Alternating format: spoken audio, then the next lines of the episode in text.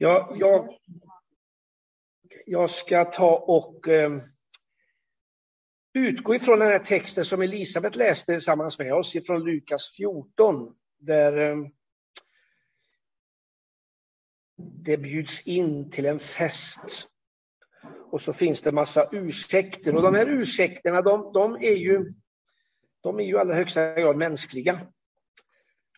Men jag tror att eh, vi kan behöva konfrontera dem ibland. Jag ska, kan, vi kan väl bara kort be innan, innan, vi, innan vi fortsätter. Tackar dig Herre för ditt ord. Tackar dig Herre för att det är levande, det är verksamt. Skarpare än ett tvegat svärd Herre. Jag tackar dig för att du, du heliga Ande nu vill uppenbara ditt ord för oss Herre. Göra det levande, göra det verkligt Herre. Tackar dig att du gör våra hjärtan öppna och mottagliga för vad du vill peka på och säga till oss. Jag ber Herre att du kommer till var och en som sitter vid sin dator eller vid sin telefon här och bara avskiljer en stund här inför ditt ansikte, inför dina fötter Herre. I Jesu namn. Amen. När jag läste den här texten så, så är egentligen tre olika områden som, som eh, de här ursäkterna rörde kan man säga. Det var dels ägodelar, att han hade köpt en åker i detta fallet. Det kan ju vara andra saker. Du kanske inte har köpt en åker, men du kanske har köpt något annat. Vad vet jag? Ett, ett hus eller en studsmatta. Så det är någon som sufflerar här. Det kan vara många saker. Och så, och så blir det en ursäkt. Och det kan vara arbetet då, oxarna, det var ju liksom arbetsredskap. Idag skulle du ha köpt en stor traktor eller tre traktorer eller kanske tio traktorer och en skördetröska. Och det kräver ju mycket omsorg för att hinna med att sköta det och prova så det funkar. Och eh, så hörde vi ju då Samuel som är ganska nygift, fast han har varit gift ett tag nu, att, eh, att det kan vara en ursäkt då att man inte, ja men jag, jag, jag måste ta hand om eh, min, mitt äktenskap. Och det, naturligtvis ska vi göra det, men, men jag ska röra lite vid det sen. Och jag tror så här när det gäller en kallelse, vi använder ju det ofta som kristna, kallelse, vi är kallade.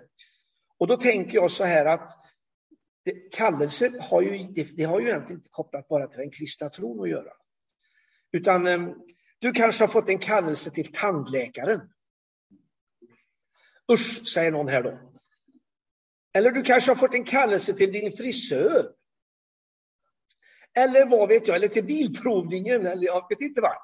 Men du kan säga att du har fått en kallelse till tandläkaren då. Ja, det förändrar ju egentligen ingenting, bara att du har fått kallelsen, eller hur? Utan det är ju några saker som behöver ske då. Då behöver du säga ja, jag kommer. Eller också säger du nej, jag kommer inte. Men då säger du då, utgår vi från att du säger ja, jag kommer. Så traskar du iväg till din tandläkare. Kanske lite pirrig, lite nervös, för att det är inte så roligt att sitta där och gapa och inte kunna svara och kanske lite obehagligt. Men det räcker ju inte att bara gå dit, eller hur? Sitta i väntrummet och rulla tummarna och läsa någon intressant tidning. Utan då behöver du också låta dig, tandläkare skulle jag på säga, du behöver låta tandläkaren göra sitt arbete i, i din mun det som behöver göras. Och så här tror jag det är också med kallelsen, det Guds kallelse till dig och mig, att vi behöver på något vis, ja vi behöver säga ja, men vi behöver också, det finns också ett handlande i kallelsen. Det är inte en passivitet. Utan jag menar Elisabet berättade här att hon har bjudit in till en, en, en trädgårdsfest och du är inbjuden till den. Och det är själv, det är jättebra. Men du måste gå dit och du måste dela den gemenskapen som sker där för att det ska bli en fest. Och, och, och det här tror jag också gäller det kristna livet. Och den här berättelsen, som, eller liknelsen som Jesus berättar, det, det, jag vet inte hur du tänkte, men det står så här att eh, när festen skulle börja, då skickade han sin tjänare att säga till de inbjudna. Och då läste jag det här att i den traditionen som den här berättelsen kom till, där, då var det så att då, då bjöd man in och sedan så välkomnade man de inbjudna när det var dags för festen. Och, och, eh, och, och, och, det, och här är ju då att på något vis tror jag man kan överföra det att egentligen är alla inbjudna till Guds fest. Och sen kom Jesus och inbjöd. Nu är festen dags. Och då är det, då är det till, upp till dig och mig som människa att säga, ja men jag kommer, jag vill dela livet på den här festen. I det, det, det kristna livet i Guds rike. Och, och det här, det, det är inte, vi är ju inte först med att kanske brottas med det här. Jag, jag tänkte på några saker. I Gamla Testamentet kan vi se att exempel på, jag tänkte två exempel där, där människor inte ser sig värdiga att komma till Gud, till festen. Då tänkte jag på Jeremia, jag tänkte på Gideon. Jeremia kan vi läsa så här i början av Jeremia, att när, han, när, Jesus, när Gud kallar honom, O Herre, Herre, säger han, jag förstår inte att tala för jag är för ung. Det var två saker, han kunde inte tala, han var för ung. Men då säger Gud till honom, se, jag lägger mina ord i din mun. När det gäller Gideon så fick han ju, ju kallelsen av Gud att det var ju ingen liten kallelse att befria Israel från midjaniterna. Och då ställs, O Herre, hur ska jag kunna rädda Israel? Min ett är ju den oansenliga i Manasse och jag själv den ringaste i min fars hus. Och då svarar Gud, jag är med dig och du ska slå midjaniterna som om man vore en enda man. Så ibland så, Gud tror jag vill hjälpa oss att se att vi är alla kallade. Och då kan man säga, inte jag. Ja, men det, det, det kan kännas så kanske och du kan ha argument. Men jag tror Gud vill påminna dig om att du är kallad till fest. Du är kallad till att dela livet i, i hans rike. Och det finns ett rum berett för dig också in i evigheten. Jag tänker om, man läser, om vi läser i evangelierna så tänker jag på när Gud kallar Levi. Kommer du ihåg det? Men då var det inte han som sa nej, för Gud kallade honom. Jesus säger, följ mig och Levi steg upp och följde. Det var enkelt. Men då var det istället omgivningen som sa till honom att nej, du, det, det var då publikanerna och syndarna. Alltså, ska Jesus ligga till bords med, med dem? Och den här Levi då? Och varför sitter han och äter med, med varför sitter Jesus och äter med de här? Och den här Levi, han, han, har han med detta att göra? Men då, säger, och då hörde ju Jesus det här. Och då säger han så här, det är inte de friska som behöver läkare, utan de sjuka. Jag har inte kommit för att kalla rättfärdiga, utan för att kalla syndare. Så ibland kan det vara omgivningen som säger så här, nej men inte du, tro inte att du är något. Eh. Och så, men Gud har, men, men, men vi får, behöver lyssna på Guds röst. Och, och, och Gud kallar vem han vill. Och han har kallat alla människor. Jag kan inte tolka något annat. Och, och det gör, har han gjort för att han älskar människan som han har skapat till sin avbild. Och eh, han, vi är hans barn och han önskar leva i nära relation till oss.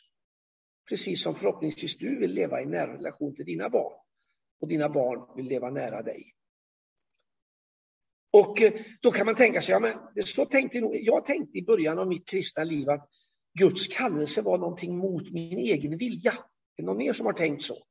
Så behöver du inte vifta, men du kan tänka så. Eller åtminstone tänk om du känner igen dig i det. Jag gjorde så. Jag var lite rädd för att Guds kallelse skulle vara något som gick emot på något vis. Men, men jag tror, och min erfarenhet nu efter att ha fått vara en, en, en kristen under många år, det är att Gud kallar oss ofta utifrån det vi är bra på, det vi har. Och det kan vara sjunga, det kan vara snickra, det kan vara vad vet jag? Men sen kan det också vara så att Gud kallar och han låter mig upptäcka en talang som jag inte visste jag hade. Och eh, att så genom kallelsen så upptäcker vi, när jag, tackar, när jag säger mitt ja till Gud, så, så, så upptäcker vi sidor hos oss själva och saker som, det här ligger på mitt hjärta. Det här är ju någonting jag har blivit benådad med. Och så får Gud använda det i sitt rike. Så det, det är både och där, men, alltså, men, men, men mycket, jag har aldrig erfarit att Gud har gjort våld på mig. Så när, när, när jag ber och önskar att ske din vilja i mitt liv, då behöver jag aldrig vara rädd att Gud våldför sig på mig. Vi människor kan ju, ta, kan ju ibland göra det i vår iver att önska någonting för en annan människa. Men det blir aldrig bra. Utan det kommer ofta skapar det sår och det blir ofta inte bra. Men Gud kallar oss vid namn och han önskar nära gemenskap med oss. Och då, då kan man den här, den här liknelsen då kan ju väcka reaktioner i dig och mig. Jag vet inte vad det väcker i dig om du har läst den innan, det har du säkert gjort. Men jag, jag skrev så här i min förberedelse lite grann att den här väcker reaktion, reaktioner.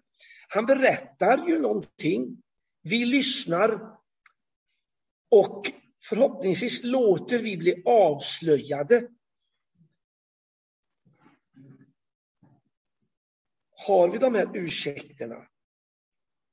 Vi blir ju inte utskällda av Jesus, men vi blir träffade.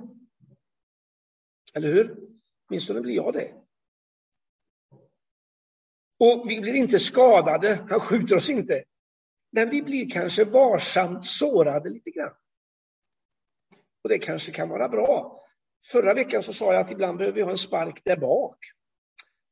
Och det tror jag faktiskt kan vara, så ibland behöver vi bli på, det kanske lät brutalt, jag vet inte om det var så brutalt, men, men vi blir påminna om på något vis. Och eh, vi är ju fria att säga ja till gemenskapen med Gud. Men det förändrar ju inte hans kallelse eller hans inbjudan. Precis som tandläkaren. Du har fått din kallelse torsdag klockan 16 eller 14 eller vad det kan vara. Och du, du, du är ju fri att säga ja till det. Men du kan också säga nej. Och, och, och, du är också fri att leva i den världen, i den här världen som vi lever nu, utan att hämta näring hos den som har kallat dig, hos Gud. Du kan gå med din tandverk. Jag vet att jag är kallad, men jag tänker inte gå till tandläkaren. Jag tänker definitivt inte låta honom borra i mina tänder. Ja, då får, då får, och jag tror det finns någonting här, att vi är kallade att leva ett liv. Jag skrev så här, vi är kallade att leva ett liv där Jesus inte är en konkurrent till vårt eget. Utan han är vår frihet, vårt liv. Alltså det, det, det innefattar Jesus begränsar inte vårt liv på det sätt som vi kan. Alltså, eh, du får göra de här ursäkterna på ett sätt, men det är inget hinder. Du, ska, du, du, kanske, väl, du kanske har köpt en åker eller något vad det nu är. Ja, det är klart du får titta på den. Men det blir inte en ursäkt att inte bejaka Gud i ditt liv. Alltså det här att, att, att eh, utan det finns någonting här. Och, och jag tror Gud vill bara måla upp det för dig. Och, och att, att, du får, att du får våga ta emot det som Gud har för dig. Våga lita på att, att Gud kallar dig till ett, ett, ett helt liv. Och, det, och Guds kallelse är aldrig en konkurrent till livet. Utan det är, det är livet. Men först, Gud uppenbara det för oss alla.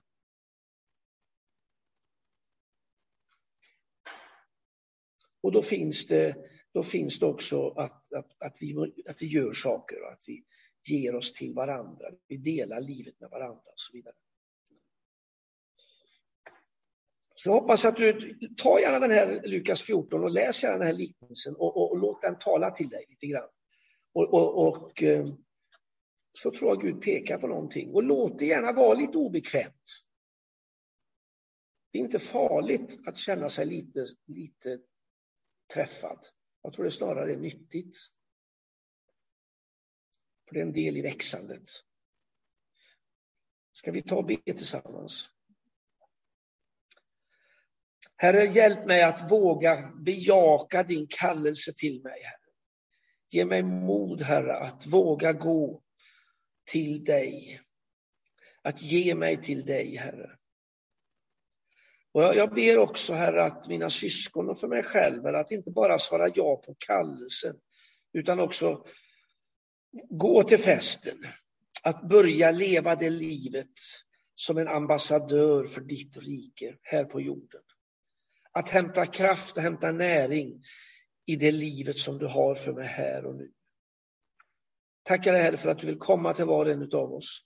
Du vill påminna oss om de saker som eh, vi kanske omedvetet eller medvetet håller upp som någon form av gard inför dig, Herre. Men jag ber Herre att ge oss mod Herre, att våga sänka gard.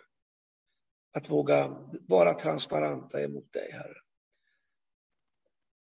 Våga bejaka det som du talar till oss, som du påminner oss om, Herre. Tackar dig för att den här berättelsen, den här liknelsen, att det får vara ett redskap för det. Jag ber om det i Jesu Kristi Amen.